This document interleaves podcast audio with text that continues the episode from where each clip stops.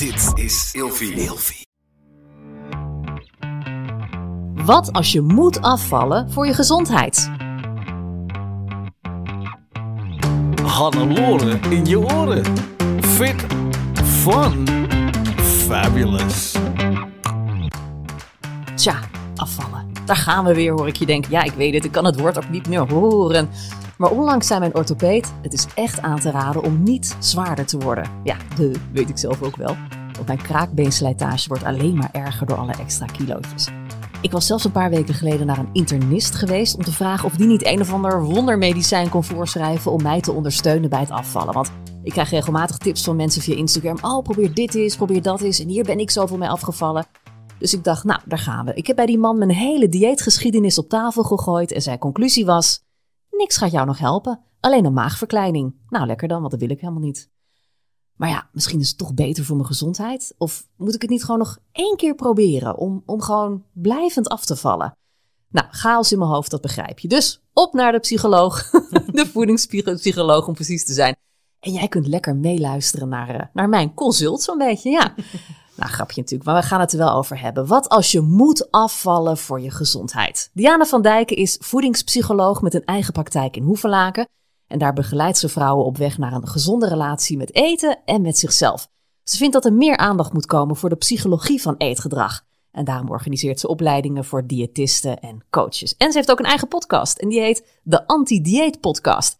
En het is alweer de vierde keer dat we elkaar spreken. Leuk weer, Diana. Ja, vind ik ook. We zitten weer in jouw prachtige kantoor hier in, eh, in Hoevelaak. Ik word hier helemaal zen. Ik zie roze, ik zie goud, ik zie fluweel, ik zie bloemen. Ja. Ik hou ervan. Ik ook. ik voel me al helemaal relaxed. Kom maar op met dat Mooi. consult. Nou, we zitten nu hier dus. Hè. Eh, Spreek jij veel mensen die eh, moeten afvallen voor hun gezondheid? Is dat een vraag die jij veel binnen hoort komen hier? Ja, en dan eh, hebben we eigenlijk meteen al een heel mooi misverstand te pakken. Namelijk dat je zou moeten afvallen voor je gezondheid. Want dat ligt eigenlijk ontzettend complex. En wat we vooral zien is dat onze gezondheid eigenlijk maar voor een heel klein deel überhaupt te beïnvloeden is. Het is gewoon afhankelijk van ontzettend veel factoren. En dan hebben we het over waar je geboren bent, eh, waar je woont, ehm, je sociaal-economische status, hè, of je praktisch of theoretisch opgeleid bent. Ehm, en inderdaad, gezondheidsgedrag kan daar invloed op uitoefenen. Maar je gewicht is geen gedrag. Gezondheidsgedrag is wel gedrag. Hè? Dat kun je daadwerkelijk in de praktijk brengen. En dan hebben we het over een gezond en gevarieerd eetpatroon bijvoorbeeld. En dat is heel iets anders dan dat je aan intermittent fasting doet. Of dat je koolhydraten gaat beperken. Of dat je vetarm eet. Dat betekent eigenlijk vooral dat je gevarieerd eet en dat je voldoende groente en fruit binnenkrijgt. Ehm ander gezondheidsgedrag wat heel belangrijk kan zijn is beweging. Maar dan hebben we het ook weer niet over halve marathons moeten lopen. maar gewoon dagelijks een beetje bewegen. En fijn als dat twee of drie keer per week eh, wat intensiever kan zijn. Hoeft ook helemaal niet in de sportschool te zijn. Kan ook gewoon lekker een stuk wandelen zijn met de hond. Of de Of kinderen heel hard fiets. fietsen omdat je te laat bent Nou, weggegaan. Ja, heel hard fietsen omdat je te laat bent. Of gewoon met de fiets de kinderen naar school brengen. Of je boodschappen even lopend gaan Ja, halen. want dat is al genoeg, hè? dat is eigenlijk al En genoeg. ik heb dat laatste keer gecheckt en qua beweging zit ik echt wel, wel goed. Maar voor mijn gevoel moet het allemaal nog veel meer. Ja, en dat heeft ook heel erg te maken met bijvoorbeeld dat idee dat we die 10.000 stappen zouden moeten zetten. Nou, die komt echt compleet uit de lucht vallen. Ja. Ehm, bijna niemand redt het ook om 10.000 stappen per Nee, dag ik, te ik zetten. las laatst dat je twee à drie keer per week 8000 stappen moet zetten. En dat dat al oké is. Ja, en eigenlijk zien we dat als we er überhaupt een maat aan gaan hangen, dat het al ingewikkelder gaat worden. Dus als we gewoon tegen mensen zeggen, joh, het is eigenlijk wel belangrijk om gezond en gevarieerd te eten en voldoende groente en fruit te eten, dan zien heel veel mensen dat alsnog best wel haalbaar. Hè? Dat, dat, dat is wel in de praktijk te brengen. Maar gaan we er dan quota aan hangen? Het moet zoveel gram groente zijn en het mag eh, maar zoveel zuivel zijn en het moeten zoveel eh, stukken fruit op een dag zijn, maar weer niet meer dan dat. Of, dan zien we al dat het bij mensen eigenlijk een soort van kortsluiting veroorzaakt en dat het dus moeilijker wordt om daadwerkelijk wat gezonder en gevarieerder te eten. Ehm, en dat geldt dus bij die beweging eigenlijk hetzelfde. Op het moment dat we daar dus weer van gaan zeggen, het moet wel twee of drie keer in de week eh, heel intensief zijn en het moet wel elke dag zoveel duizend stappen zijn. Als het dan een keer een dag niet lukt, dan worden mensen al heel snel gedemotiveerd om het überhaupt te blijven doen. Terwijl we dus wel inderdaad weten dat dat gezonde gevarieerde eetpatroon en dat bewegen bijdraagt aan je gezondheid, voor zover we die gezondheid dus überhaupt kunnen beïnvloeden. En dat eigenlijk de twee factoren daarin die ehm, misschien nog wel het meest bepalend zijn als we kijken naar gedrag, zijn eigenlijk roken en alcoholgebruik. Dus ik zeg altijd tegen mensen als ze zeggen, maar ik moet afvallen voor mijn gezondheid van mijn dokter. Nou, A, dat gaan we ter discussie stellen, maar B, wat doe je eigenlijk al aan gezondheidsgedrag? Dus als jij gezond en gevarieerd eet en je rookt niet en je drinkt matig of misschien wel helemaal niet. En je beweegt gewoon, dan doe je eigenlijk wat je kan doen voor je gezondheid qua gedrag. Even los van het feit dat stress en slaap nog minstens zoveel invloed hebben. Maar dat is natuurlijk geen gedrag. Oeh, daar raak je een puntje. Als Ja. ik het even op mezelf betrek, hè. Ja, ik, ik maar dat eet- heel veel mensen. Ik eet eh, best wel gezond en gevarieerd. We hebben Hello Fresh een paar keer per week, zitten veel groenten in. Smiddags eet ik wel eens groentesoep mee met mijn man. Ja. Die vindt het oprecht lekker. Ik denk, nou, het is gezond en het Ja. vult.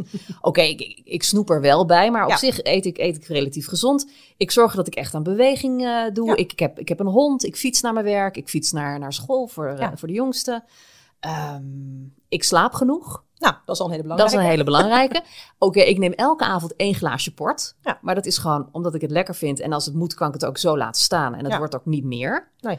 Ehm, ja, alleen die stress. Ja, en je Dat- rookt niet. Nee, en ik, nee Ja. ik rook niet. Nee. Nee, maar dat is eigenlijk al een hele belangrijke. Dus eigenlijk ben ik dan best wel goed bezig. Ja. Maar toch ben ik te dik. Ik ben te zwaar. En Nou, je die bent dik.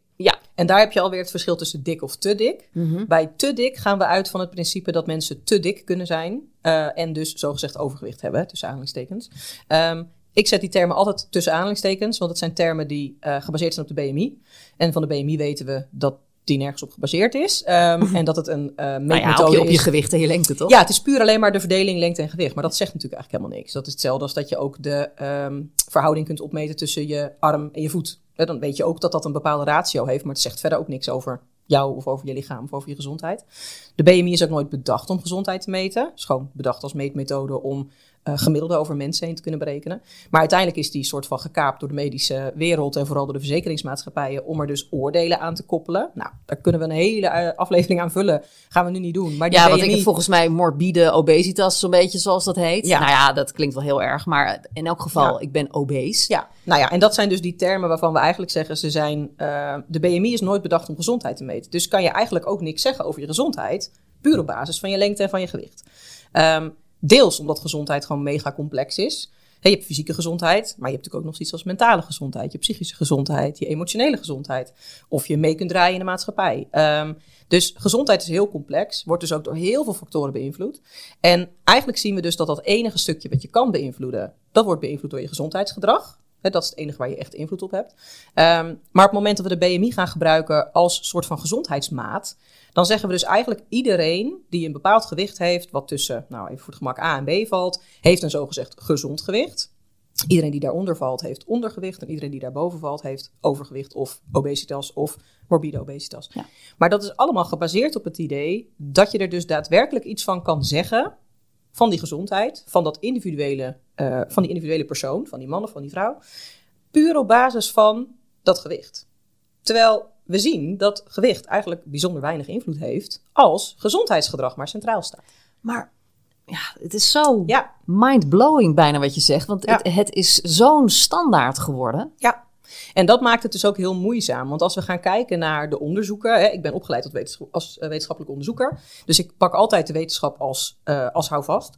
Ehm, als we de grote onderzoeken gaan bekijken. Dat noemen we dan een meta-analyse. Dat is heel technisch. Maar dat zijn grote onderzoeken waarin heel veel onderzoeken bij elkaar worden gepakt. En al die resultaten opnieuw worden geanalyseerd.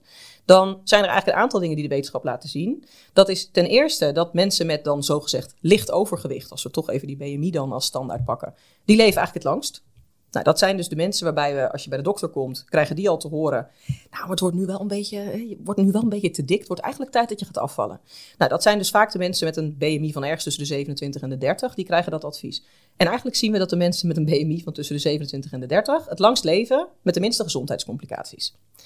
Ehm, en dat de mensen met ondergewicht juist het minst lang leven en de meeste gezondheidscomplicaties hebben. Maar is Ja. dat niet omdat je dat wereldwijd op de hele bevolking doet en dat mensen dan in Afrika doodgaan? Nee, want die worden niet meegenomen in dat soort onderzoeken. Dat is Oh. ergens natuurlijk ook weer heel vertekenend. Maar ehm, mensen in... Gewoon de eh, westerse Ja, wereld. dus het gaat over de westerse wereld. Ja. Want mensen die echt in armoede leven... worden eigenlijk nooit meegenomen in dat soort onderzoeken. Omdat ja, Ja, dat daar wijkt af. Dat Ja. wijkt zo ontzettend af. Nou, maar als we dus puur inderdaad kijken naar de westerse wereld... Mhm. ehm, dan zien we eigenlijk dat eh, mensen die dus inderdaad ondergewicht hebben... tussen aanhalingstekens, dus inderdaad een heel laag gewicht hebben... ehm, die worden gewoon veel eerder ziek. Het immuunsysteem staat veel meer onder druk. Als ze echt ziek worden, hebben ze weinig bij te zetten. Dus mensen die echt laag, een echt laag gewicht hebben...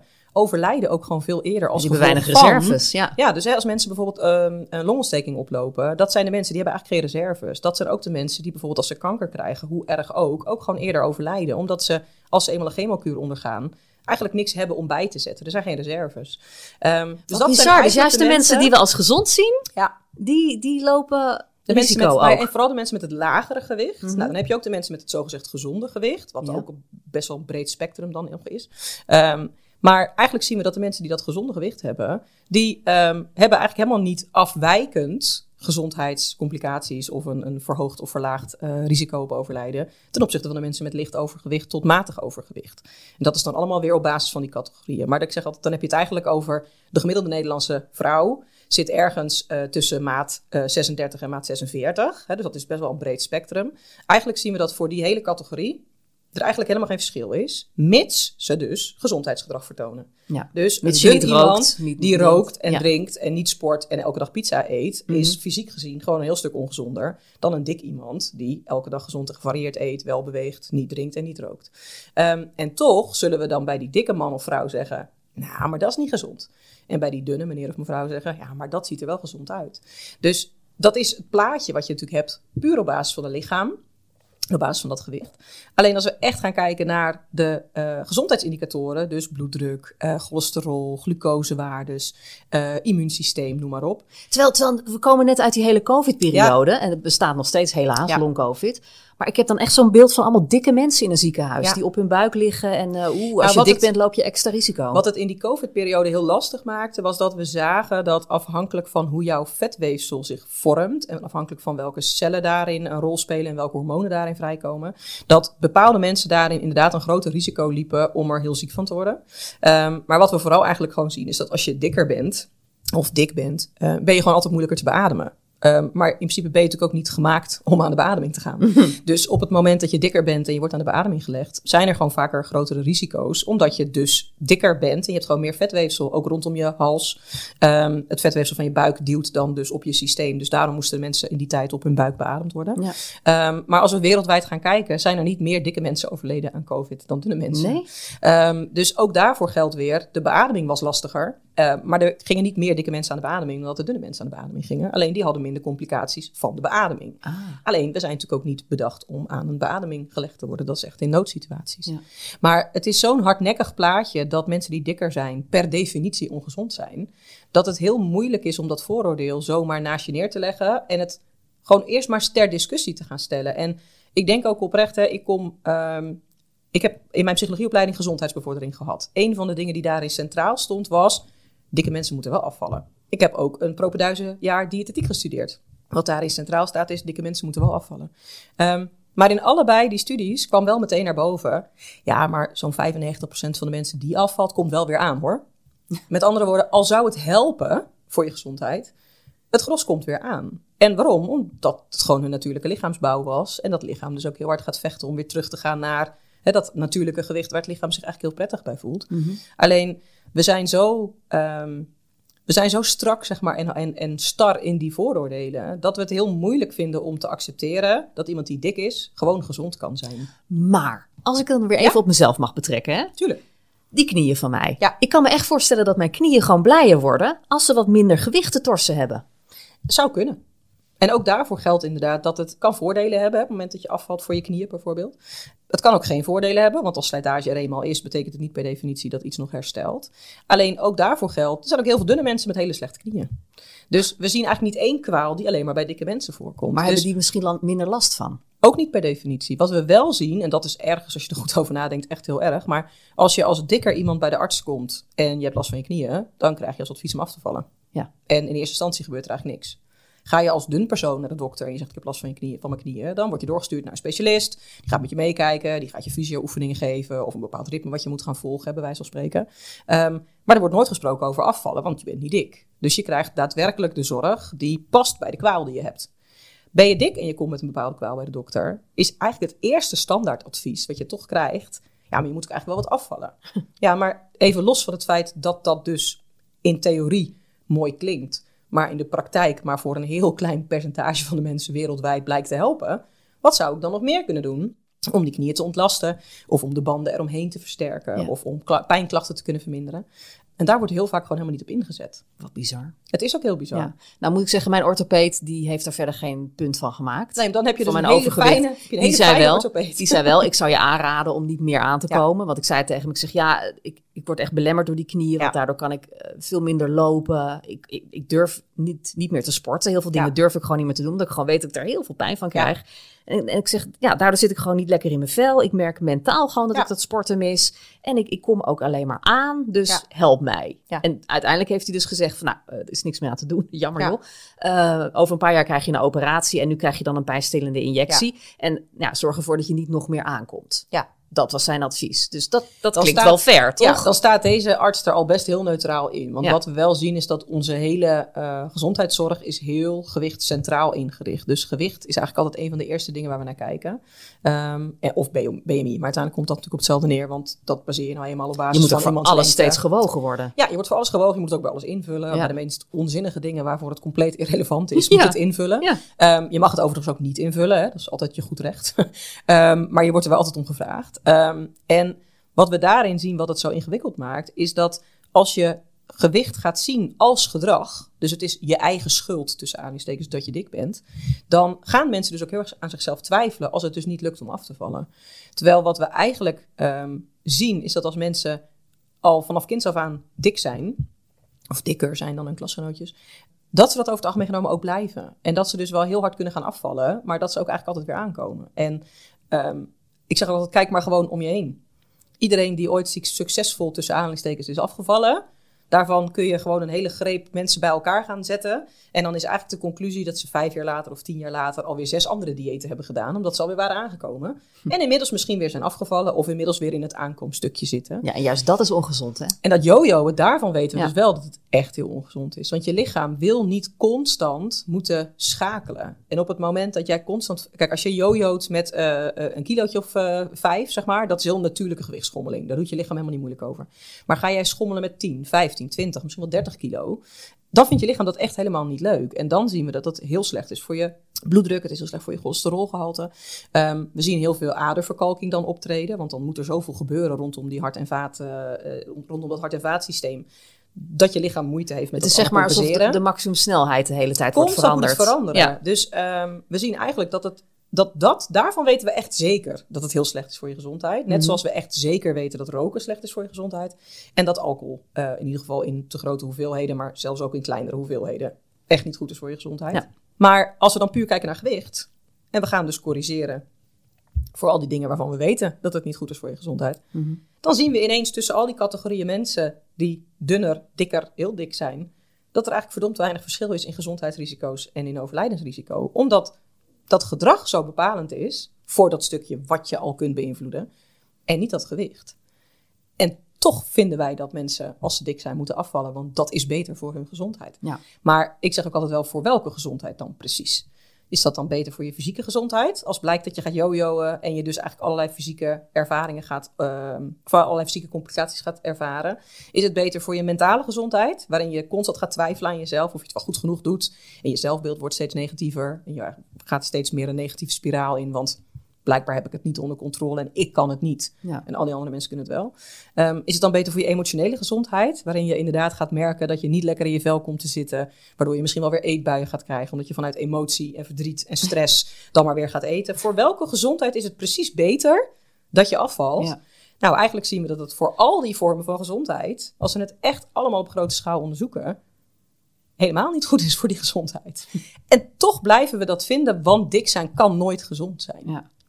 Nou ben ik toch naar die internist gegaan. Ja. Ik denk, schrijf mij dan iets voor. Ja. Hè? Ik heb eh, heel veel positieve ga- verhalen gehoord van mensen. En dan denk ik inderdaad, als ik niet meer de hele dag zo'n trek heb, Ja. dat ik niet de hele dag aan eten denk, Ja. dan gaat het beter met me. Het lijkt me ook gewoon een stuk relaxter. En dan kan je gewoon le- netjes je maaltijden eten. Volgens mij is dat uiteindelijk ook op de lange termijn gezonder.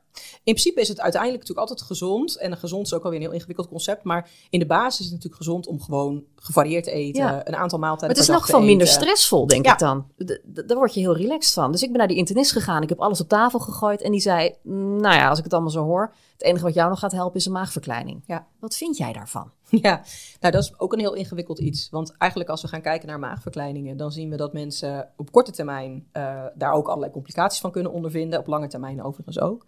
Maar op korte termijn vallen mensen altijd af. Want de opnamecapaciteit van je lichaam neemt af. Hè, want over het algemeen doen we in Nederland eigenlijk alleen maar gastric bypasses. Dus we halen ook een deel van de darmen weg. Nou, in je darmen wordt natuurlijk je voeding überhaupt opgenomen en omgezet tot ehm, de vetten die je opslaat en de energie überhaupt gewoon die je gebruikt. Ehm, en dan zien we dat mensen op korte termijn eigenlijk altijd afvallen. Over het algemeen ook best wel in een heel rap ritme. Eh, Ja. Of in een heel rap tempo. Ja. Hè? Dus ehm, ik zeg altijd, als je mensen kent die een maagverkleining hebben gehad, dan zie je ze in een paar maanden tijd ontzettend veranderen. En eigenlijk vallen ze het eerste jaar zo'n beetje allemaal wel af. Daarna begint dat lichaam eigenlijk weer te herstellen. Want ik zeg altijd, het enige doel van jouw lijf is overleven. Dus het, op een gegeven moment denkt je lichaam, ja hallo, als we in deze trend doorgaan, eindig ik op nul en eh, tussen een aantal eh, latjes. Dat is niet de bedoeling. Dus ik ga zorgen dat die opnamecapaciteit weer toeneemt. Ik ga ook zorgen dat je weer meer honger krijgt. Want ja, je gaat pas eten als je honger hebt. En vaak hebben mensen het eerste jaar na maagverkleining eigenlijk helemaal geen honger. Ehm, dus je krijgt weer meer honger en de opnamecapaciteit van je darm neemt weer toe. En dan gaan mensen weer aankomen. Ehm, ergens is dat ook de bedoeling, hè, dat mensen op zo'n moment eigenlijk gaan stagneren. Hè, want je wil niet dat mensen afvallen. Nee, je wil niet 0 blijven kilo. afvallen. Dan blijft er Dus niks van jou De over. bedoeling is dat mensen stagneren. Ja. Alleen wat we vaak zien is dat dat stagneren al heel snel dus weer overgaat in aankomen. Mhm. Ehm, omdat je lichaam gewoon heel slim is. En omdat je weer meer honger gaat krijgen. En omdat als mensen eenmaal weer gaan aankomen, ze vaak toch weer gaan twijfelen aan zichzelf. Want die maagverkleining was toch het laatste redmiddel. En dat was toch de manier voor mij om uiteindelijk wel slank te worden en eh, eh, succesvol af te kunnen vallen. Ehm, dus mensen raken daar vaak ook weer een beetje van van de leg. Gaan dus vaak ook weer wat meer eten omdat ze zich gewoon niet prettig voelen. Vaak hebben mensen ook niet per se een gezonde relatie met eten. Nee. Voordat ze aan een maagverkleining beginnen. En die ontwikkelen ze over het algemeen ook niet in zo'n traject. Want daar is eigenlijk heel weinig aandacht voor. Dus veel mensen gaan ook weer eten uit emotie. Ehm, en al zouden ze dat niet doen. Al zouden ze heel netjes blijven eten. Wat ze dan zogezegd zouden moeten eten. Volgens het lijstje van de, de diëtist van het maagverkleiningsziekenhuis. komen mensen nog steeds aan. En dat heeft dus eigenlijk alles weer te maken met het feit dat je lichaam gewoon weer terug wil naar het oude. Dus ook na maagverkleining komen mensen bijna altijd weer aan. En ook daar heb je dan weer die paar uitzonderingen op de regel van mensen die weinig aankomen. Ehm, maar heel veel mensen komen weer aan. En ook dan zien we dat mensen uiteindelijk vaak wel op een lager gewicht eindigen dan waar ze op begonnen. Hè, dus zeg altijd even voor het idee, stel je bent 150 kilo op het moment dat je je maagverkleining krijgt. En je bent het eerste jaar 40 kilo afgevallen, zit je op 110. Nou, waarschijnlijk had je gehoopt wel onder die 100 kilo te komen. Nou, dat gebeurt soms dus wel tijdelijk. Maar vaak eindig je, eindig je uiteindelijk dan toch weer op 120 of misschien wel 125. Ehm, ook omdat eigenlijk de enige manier om echt eh, zo min mogelijk weer aan te komen na een maagverkleining is extreem veel sporten. Want daarmee verbrand je natuurlijk gewoon heel veel energie. Ja. Ehm, en qua eten kan je op een gegeven moment niet meer minderen, want je eet al heel weinig. Mhm. De opnamecapaciteit van je darmen kan je niet beïnvloeden. Dus het enige wat je dan nog kan doen is heel veel sporten. En dan zien we dat ehm, heel veel mensen na maagverkleining dus ook een enorm verstoorde relatie met sporten ontwikkelen. Ja. Want je moet dus eigenlijk elke dag wel meerdere uren echt fix bewegen. Wil je voorkomen dat je weer heel veel aankomt. En het laatste wat mensen die een maagverkleining hebben gehad willen, is weer aankomen. Want dat is het eerste wat je vrouwen altijd hoort zeggen na een maagverkleining. Trouwens bij mannen ook. Ik wil nooit meer terug naar waar ik vandaan kwam. En wat gebeurt er? Helaas, voor heel veel vrouwen en mannen die een maagverkleining hebben gehad, die komen heel dicht in de buurt van waar ze vandaan kwamen. En dan hebben we het over een jaar of zes, zeven later.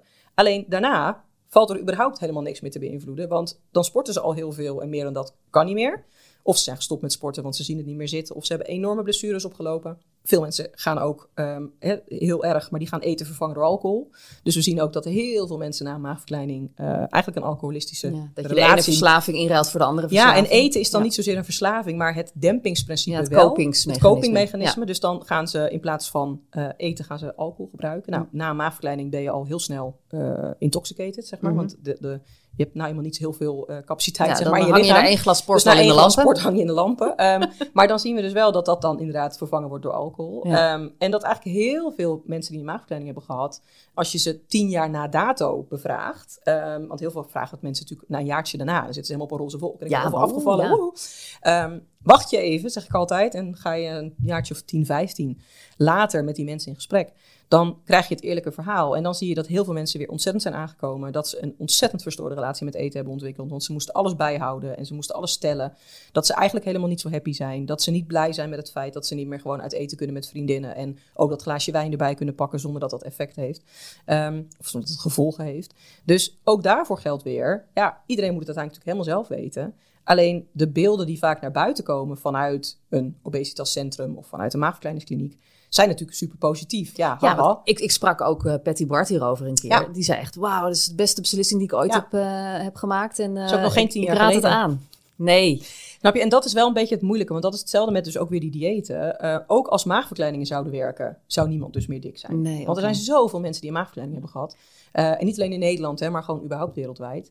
Ehm, en ook dan zien we dat heel veel mensen toch weer gewoon gewicht gaan aankomen. Ik kreeg inderdaad ook best wel veel DM's. Ik, ik heb deze discussie op Instagram Ja. gegooid. Want ik was gewoon, in eerste instantie was ik heel erg geschrokken van die maagverkleining. Ja. Toen was ik heel verdrietig. Toen werd ik heel boos. Toen Ja. dacht ik, weet je wat, ik moet het gewoon eens even gewoon out there doen. Kijken wat andere mensen hiervan vinden. En gewoon, volgens mij zijn er veel Ja. meer mensen die hiermee struggelen. En inderdaad, de ene helft zei eh, niet laten snijden in een gezond Ja. lijf. Dus er waren ook heel veel mensen die zeiden van, nou, eh, go for it. Ik heb het ook Ja. gedaan en het is geweldig. Maar ik had dus ook reacties van mensen die zeiden, niet doen, want eh, je gaat fysiek gewoon helemaal naar de knoppen. Die hadden heel veel klachten aan overgehouden. Ja. En ook mensen die zich schaamden dat ze dus het hadden gedaan gekomen. en weer waren aangekomen. En die laatste groep, dat vond ik zo sneu. Ja, maar dat is dus heel erg weer dat, dat principe wat er omheen hangt van als, als je dus een maagverkleining hebt gehad, nou maar daar hoef je zelf helemaal niks voor te doen, hè, tussen Mhm.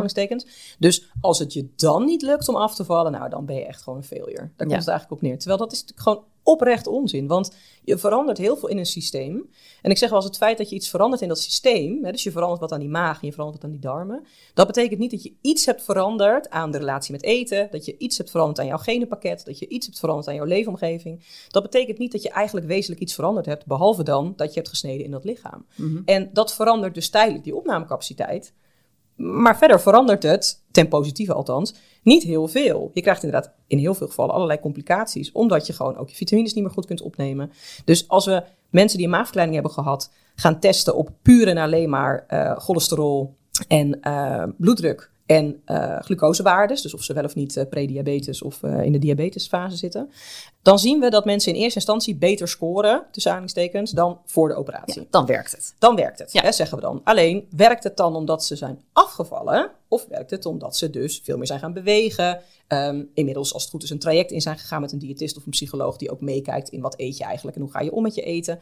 Wat heeft eigenlijk het effect? Is dat het feit dat je bent afgevallen en maakt dat die waardes beter? Of het feit dat er gewoon überhaupt aandacht voor je is en dat je dus inderdaad op een ehm, gezondere manier aan het eten en aan het bewegen bent, bijvoorbeeld. Maar ook dan zien we dat als het dan na verloop van tijd weer gemeten wordt en mensen beginnen dus weer aan te komen, dan gaan die waardes dus weer verslechteren. Maar komt dat dan dus weer omdat ze aankomen of omdat ze inmiddels ook gestopt zijn met zoveel bewegen, inmiddels ook niet meer naar die gesprekken toe gaan en inmiddels ook niet meer praten over hun emoties? Of... En dat is het moeilijke van onderzoek. Ehm, en dat zal elke wetenschappelijke onderzoeker ook beamen. We onderzoeken iets met een bepaalde aanname. Dus hè, we noemen dat al een hypothese. De hypothese is, dik zijn is ongezond. Dus we gaan allerlei onderzoeken doen om erachter te komen of het ook ongezond is om dikker te zijn. Maar als de hypothese zou zijn, hey, dik zijn is gezond, dan ga je op een andere manier onderzoek doen. Ga je op een andere manier bepaalde dingen in, in eh, beeld brengen. Komen er dus ook andere antwoorden uit. Alleen wat we altijd doen in wetenschappelijk onderzoek is proberen te corrigeren voor al die andere factoren die ook invloed zouden kunnen hebben. Dus bijvoorbeeld stress, of dat je gehoord wordt, of dat je aandacht krijgt. Of, het is niet voor niks dat het placebo-effect zo enorm is. Hè? Ja. Geef mensen een placebo-pil en zeg dat het helpt tegen de hoofdpijn. En ze krijgen minder hoofdpijn. Waarom? Omdat ze denken dat het werkt. Dus onderzoek doen is zo ontzettend ingewikkeld. En als het gaat over gezondheid, nog veel ingewikkelder. Want gezondheid is gewoon heel complex. Dat we dus ook niet makkelijk kunnen zeggen, als je afvalt, word je gezonder. En dus ook niet, als je een maagverkleining krijgt, val je af en word je gezonder. Want heel veel andere fysieke waardes, inderdaad vitamine en dat soort dingen. ehm, en mensen gaan haar verliezen. Sommige vrouwen stoppen met menstrueren. Nou, vul allemaal maar in. Dat is natuurlijk helemaal niet gezond. Maar ze zijn wel dunner.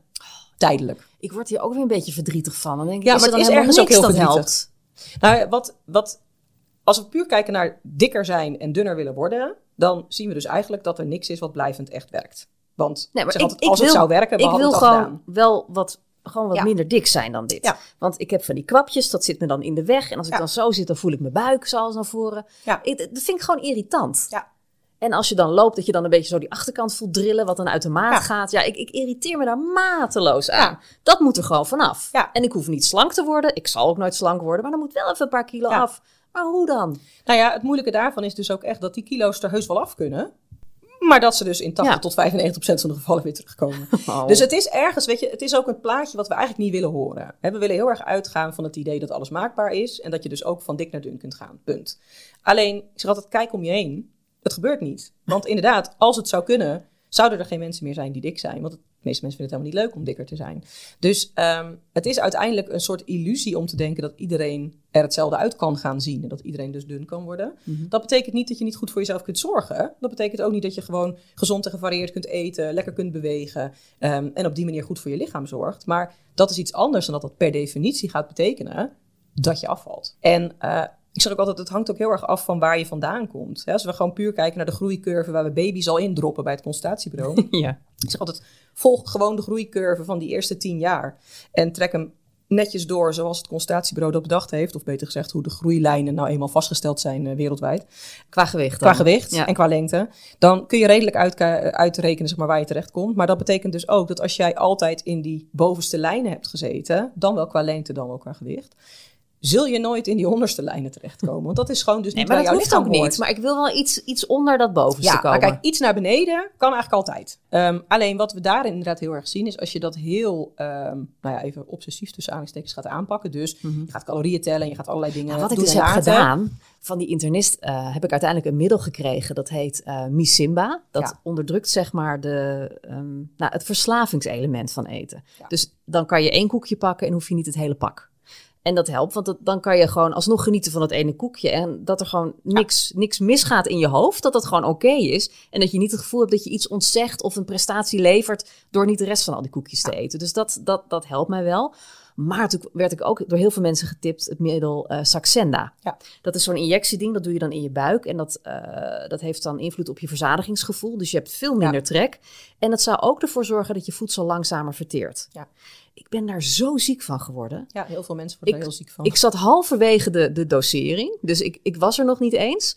Maar ik kreeg een soort voedselvergiftiging elke keer als ik gewoon die, gezonde dingen zoals eieren Ja. had of zo. Een soort rottingsproces. Het bleef gewoon te lang in mijn Ja. lijf zitten. En ik, ik kreeg, nou, ik, ik ben zo ziek geweest. Ik heb echt tot twee keer toe gewoon zware voedselvergiftiging gehad. Als in dat ik gewoon doodziek was. Kotsen, diarree, alles. Daar was het namelijk ook niet voor bedoeld. Nee, en, en toen ontdekte ik dus, wacht eens even, dat komt gewoon door dat medicijn. Ja. Plus dat ik er ook doodmoe van werd. En ik, toen Ja. dacht ik, nou, dit, dit is voor mij gewoon not uh, the road to a Maar het is ook heel lastig, want het is een medicijn wat ehm diabetespatiënten gebruiken. En Ja. eh, het wordt dus ja, en dat staat me dan wereldwijd- ook tegen hoor. Dan Nou, denk ik, als het voor zoiets is, dan ga Ja. je dat toch niet doen om af te vallen? Nee, maar het erg is ook dat het dus nu wereldwijd wordt ingezet om af te vallen. En dat er dus nu ook wereldwijd een tekort is voor de mensen die daadwerkelijk diabetes hebben. En dus nodig erg. hebben om te kunnen Ja, leven. Maar er komen nog veel meer van dat soort medicijnen aan. Want ik, ik, ik, ik, ja, het valt me dan op natuurlijk, want ik ben daar best wel mee bezig. Ik hoop nog steeds op die ene wonderpil. Maar gaat Nou ja, dat ons redden? Nou, ik denk dat. ehm, kijk, eh, los van het feit, zeg nooit nooit. Ik bedoel, wie weet, misschien dat er ooit iets ontwikkeld wordt. eh,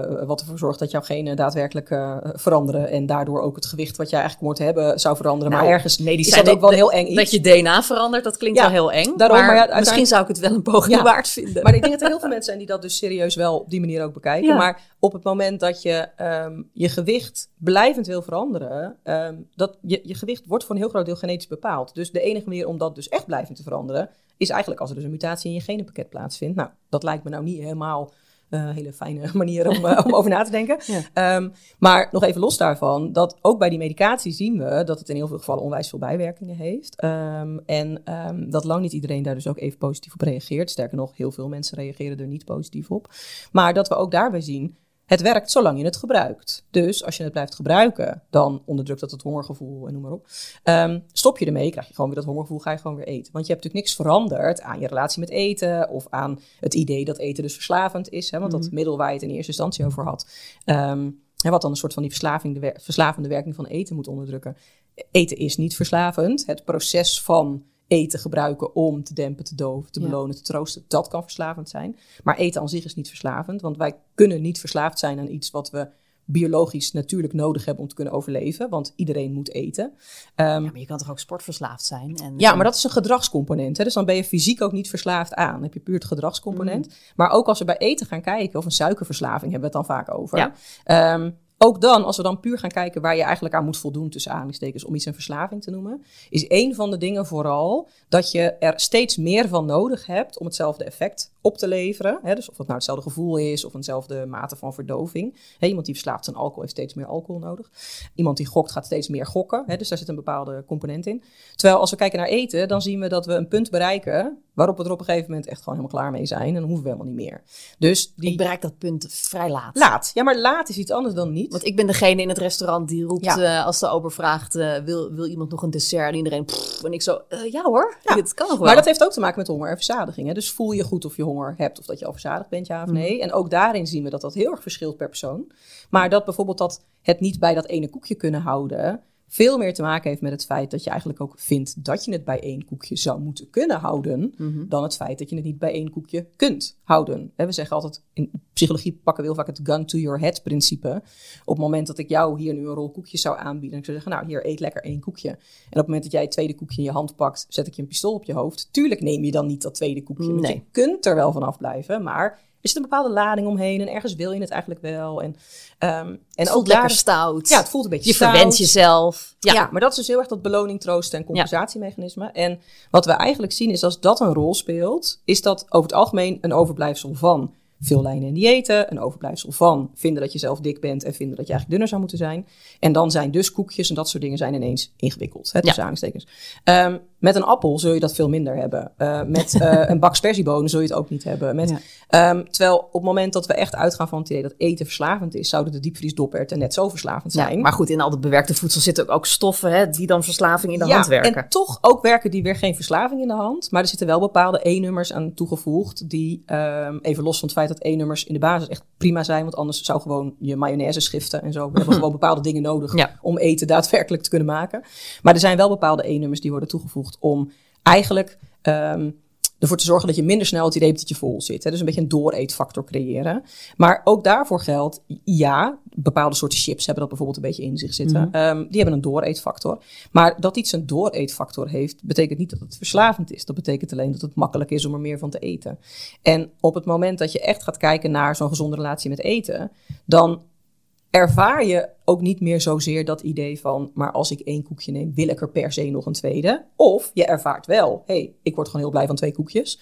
Maar niet meer die, ja, die drang of niet meer dat koekje wat vanuit het kastje loopt te roepen, weet je wel. Dus Ja. ook daarvoor geldt, dat wordt dus tijdelijk minder, die drang naar eten. Maar dat komt gewoon weer terug. Na een maagverkleining, Ja. maar die komt weer terug. Ja, dat wordt tijdelijk minder als je die medicatie gebruikt, maar het komt weer terug. Dus dat hele idee van dat is dan de oplossing. Nou, A, we doen nog helemaal niet lang genoeg onderzoek naar maagverkleiningen en die medicatie om te kunnen vaststellen dat het een succes is. Hè? Want vaak wordt er dan gezegd, ja, maar hele succesvolle eerste resultaten. Ja, hallo, na een half jaar. En iedereen kan een half jaar lang op dieet en een half jaar lang Tuurlijk, afvallen. dat kan je. Maar wat gebeurt er een half jaar later, twee jaar later, zes jaar later, tien Ja, jaar ja, later? ja. Dat weten we eigenlijk nog niet. Maar ook daarvoor geldt, uiteindelijk moet iedereen daar voor zichzelf een keuze in maken. Alleen, wat ik inderdaad aan mijn cliënten altijd vraag is, hey, maar weet je, op- tegen welke kosten? Ja. Hè? Zowel qua tijd als energie als daadwerkelijk geld. wat heb je er op een gegeven moment dus voor over om constant te blijven vechten? Ja. Nou, wat, eh, mevrouw de voedingspsycholoog, Ja. wat raadt u mij aan? Want ik heb het advies gekregen om vooral niet aan te komen. En ik, ik zou zelf graag toch wat kilootjes kwijt willen. Ehm, ik heb een iets wat verstoorde relatie met eten. het is voor mij voor een deel een copingmechanisme. Ja. Ehm, het- mijn hele systeem is al in de war. Ja. Wat kan ik doen om toch die paar kilo kwijt te raken? Ehm, ik denk dat je ten eerste je moet afvragen of het hem dan dus in die kilo's zit, of dat het hem zit in hoe je, eh, hoe je die kilo's ervaart. Hè? Want je zei het net al, ik voel dan mijn lichaam. En, Drillen. Ja. Ehm, ik zeg altijd met een paar kilo minder voel je het nog steeds allemaal drillen. Want je moet best wel heel veel afvallen voordat een lichaam daarin natuurlijk echt verandert. Ehm, dus hier gaat het ook nooit over afvallen. Ehm, wat ik mijn cliënten eigenlijk altijd aanraad is om inderdaad te gaan werken aan die relatie met eten. Dus goed met dat honger- en verzadigingssysteem om te gaan leren gaan. Lief koekje. Lief Ja, nou, maar inderdaad, hè, vriendschap sluiten met eten. Heerlijke we het wel eens. spersieboon. Nou, ik zeg dan altijd vriendschap sluiten met eten vind ik ergens ook een beetje dubieus. Want het gaat er helemaal niet om dat het je vriend of je vriendin Ja. is. Nee, Maar, maar je hoeft er ook geen haat-liefde Voor, mijn- verhouding voor mee mijn te gevoel hebben. heb ik ook niet zo'n probleem daarmee. Nee, maar het is wat je, zei, wat je zelf natuurlijk net al wel zei, is dat stukje beloning, troost, compensatie. Mhm. Ehm, op het moment dat eten een bepaalde rol speelt, dan kun je dat tijdelijk vervangen door iets anders. En dat kan voor sommige mensen sporten zijn. Ja. Of dus heel het wordt bij mij heel erg bij ontspanning. Als Ja. ik een hele dag lang eh, ja, gewerkt heb en gedaan, dan vind ik het gewoon heerlijk om s'avonds even op de bank te, nou ja, even, liefst een uur lang op de bank te liggen met een glaasje port en iets lekkers. En dan iets lekkers is voor mij iets eh, bewerkt, zoals in koekjes, eh, chips, dat soort Nou ja, en uiteindelijk is er natuurlijk niks mis met ontspanning vinden in eten. Alleen op het moment dat je merkt dat het je dus niet zozeer alleen maar ontspanning geeft, maar dat je er eigenlijk ook van baalt, Mhm. Dan wordt het dus al een tweeledig iets. Want dan geeft het je dus tijdelijk ontspanning en beloning. En aan de andere kant baal je van het feit dat je dan dus meer koekjes hebt gegeten dan je eigenlijk zou willen Maar eten. wat doe ik daar dan aan? Nou, Want mijn is- man zit naast mij op Ja. de bank chips te eten. Ja, en dat mag. Tuurlijk mag je dat. En, ehm, en Maar niet zo hard. Nee, ja, dat is, dat is, ik kan er ook niet tegen mensen chips eten. Maar dat is dus veel meer het stukje. Hij mag chips eten, dus chips wil eten. Ja, maar hij is ook super dun.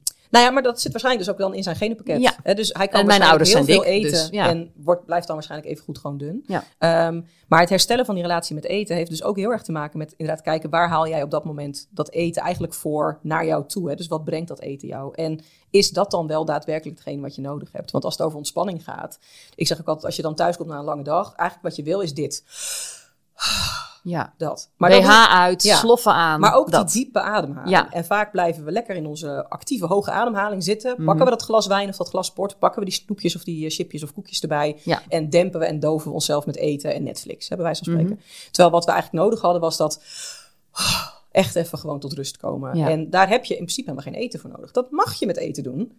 Alleen als je dus inderdaad merkt, daardoor eet ik veel meer. Of op momenten waarop ik me er eigenlijk niet zo lekker bij voel. Of ik eet meer dan ik eigenlijk nodig heb. Of dan dat ik zelf prettig vind. Dan is het belangrijk om het te onderzoeken. Maar dat is wel altijd los van het idee. Daar val ik dan dus op af. Want dat weet je eigenlijk helemaal niet. Misschien wel, en misschien tijdelijk. En misschien kom je dan ook weer aan. Maar als de uitgangspositie altijd is: ik wil op een fijne manier met eten om leren gaan. En ik wil in de basis goed voor mezelf zorgen. Dan is gewicht iets wat daar een gevolg van kan zijn. Maar dat wordt door zoveel andere factoren beïnvloed. Dat je eigenlijk ook niet weet of het daadwerkelijk een gevolg is van wat jij doet. Al- Als je dat stukje gedrag van jezelf wil beïnvloeden, kan je dat Ja. zelf doen of moet je daarvoor altijd hulp zoeken? Uiteindelijk kun je heel veel zelf, zeg ik altijd. Alleen als je merkt dat je dat dus al twintig keer geprobeerd hebt en je loopt elke keer weer klem, dan heb je over het algemeen iemand anders nodig. Maar dat heeft ook heel erg te maken met het feit dat je zelf in je eigen blinde vlek zit. Dus vaak zie je bij jezelf niet meer wat erachter ligt. Je doet wel bepaalde dingen en dat zie je dan wel. Soms zie je dat overigens ook niet eens en dan attendeert iemand anders je erop. Maar het daadwerkelijk gaan veranderen vergt dat je die blinde vlek gaat zien en dat je ook gaat zien wat je nou eigenlijk doet en waarom je dat precies doet. En het is vaak heel moeilijk om dat voor jezelf te doen. En dat kan ook eh, een, een, een naaste zijn. Hè? Iemand die gewoon het opmerkt Mhm. zonder oordeel. Maar wel inderdaad zegt, hé hey, lieverd, wat gebeurt er nu eigenlijk? En Ja, wat of je, je begint, aan doen? of je begint je eigen podcast, waarbij Ja, je het steeds hebt over eten en Ja. afvallen. Maar er zijn natuurlijk heel veel manieren om ermee om te gaan. Maar het is wel zo dat we, we hebben nog best wel een...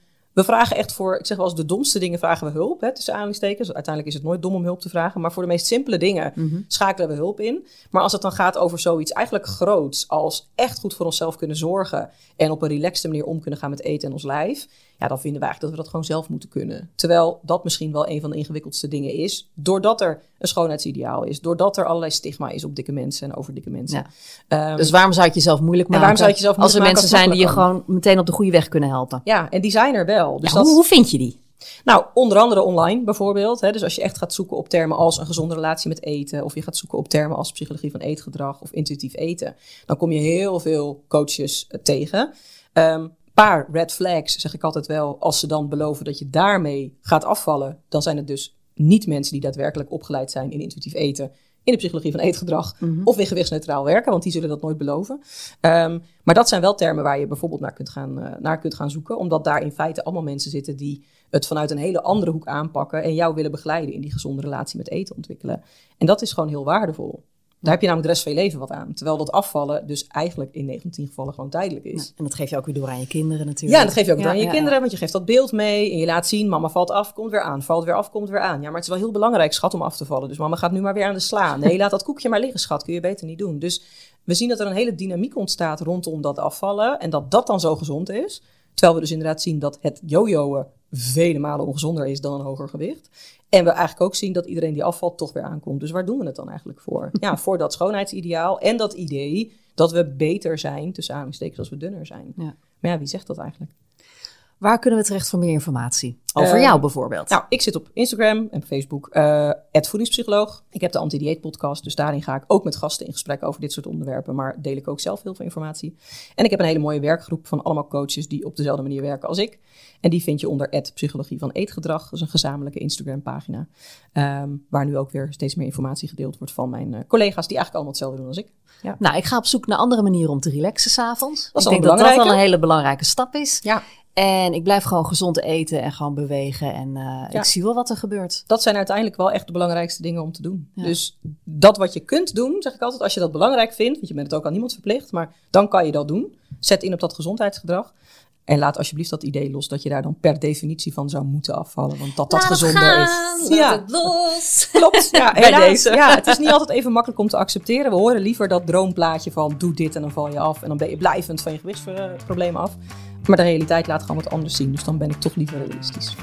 Helder. Dankjewel Diana. Graag gedaan. En jij voor het luisteren.